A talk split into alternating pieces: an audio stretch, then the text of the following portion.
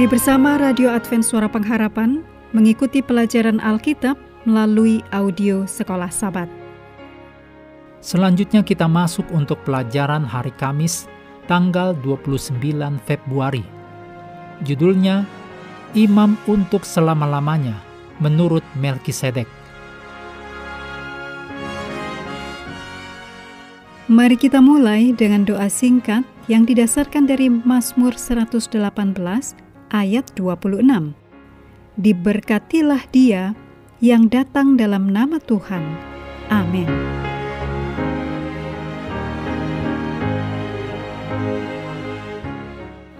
Mazmur pasal 110 ayat 4 sampai 7 disampaikan bahwa keimamatan Kristus itu unik dan pengharapan besar dapat kita temukan dalam keimamatan surgawi Kristus. Allah menganugerahi Mesias dengan jabatan raja yang kekal. Ditulis dalam Mazmur 110 ayat 1 sampai 3. Dan imamat dengan kedudukan yang lebih tinggi menurut Melkisedek. Ditulis dalam Mazmur 110 ayat 4 sampai 7. Allah memeterai firman-Nya dengan janji yang sungguh-sungguh. Ditulis dalam Ibrani 6 ayat 18. Sumpah Tuhan untuk tidak mengalah dalam memberikan kepada kita seorang imam yang sempurna adalah tanda kasih karunia-Nya. Dosa dan pemberontakan terbuka manusia terus-menerus memprovokasi Tuhan untuk meninggalkan umatnya. Tetapi sumpah Tuhan tidak dapat diubah dan menjamin anugerah Tuhan dalam mencabut penghakimannya atas umat yang bertobat. Ditulis dalam Kejadian 32 ayat 14 dan Mazmur 106 ayat 45.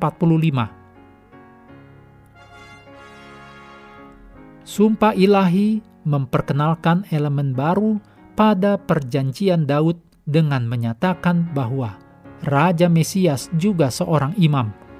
Ditulis dalam Mazmur 110 ayat 4 raja-raja Israel tidak pernah bisa berfungsi sebagai imam Lewi.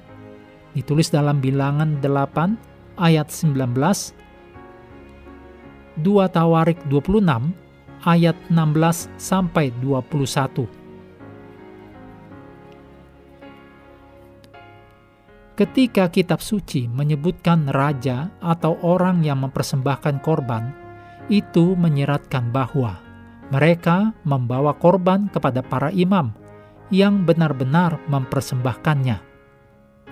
Mazmur 110 membedakan Raja Mesias dari Raja dan Imam Israel lainnya. Imamat kekal Kristus berasal dari Melkisedek yang adalah Raja Salem atau Yerusalem dan imam dari Allah yang maha tinggi Ditulis dalam Kejadian 14 ayat 18 sampai 20.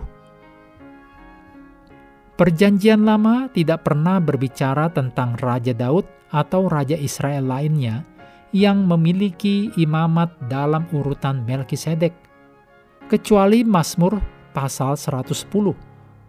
Jelas, Mazmur berbicara tentang imam raja yang istimewa dalam sejarah Israel – dalam Ibrani 7 ayat 20 sampai 28 dituliskan beberapa implikasi dari keimamatan Kristus yang unggul. Menjadi raja ilahi dan imam kekal, Kristus memiliki keunggulan yang belum pernah terjadi sebelumnya atas imam dan raja manusia. Jadi, kita dapat menerima pengharapan Kristus menjunjung tinggi perjanjian yang lebih tinggi yang didasarkan pada sumpah Allah, bukan janji manusia. Kristus melayani di tempat kudus surgawi.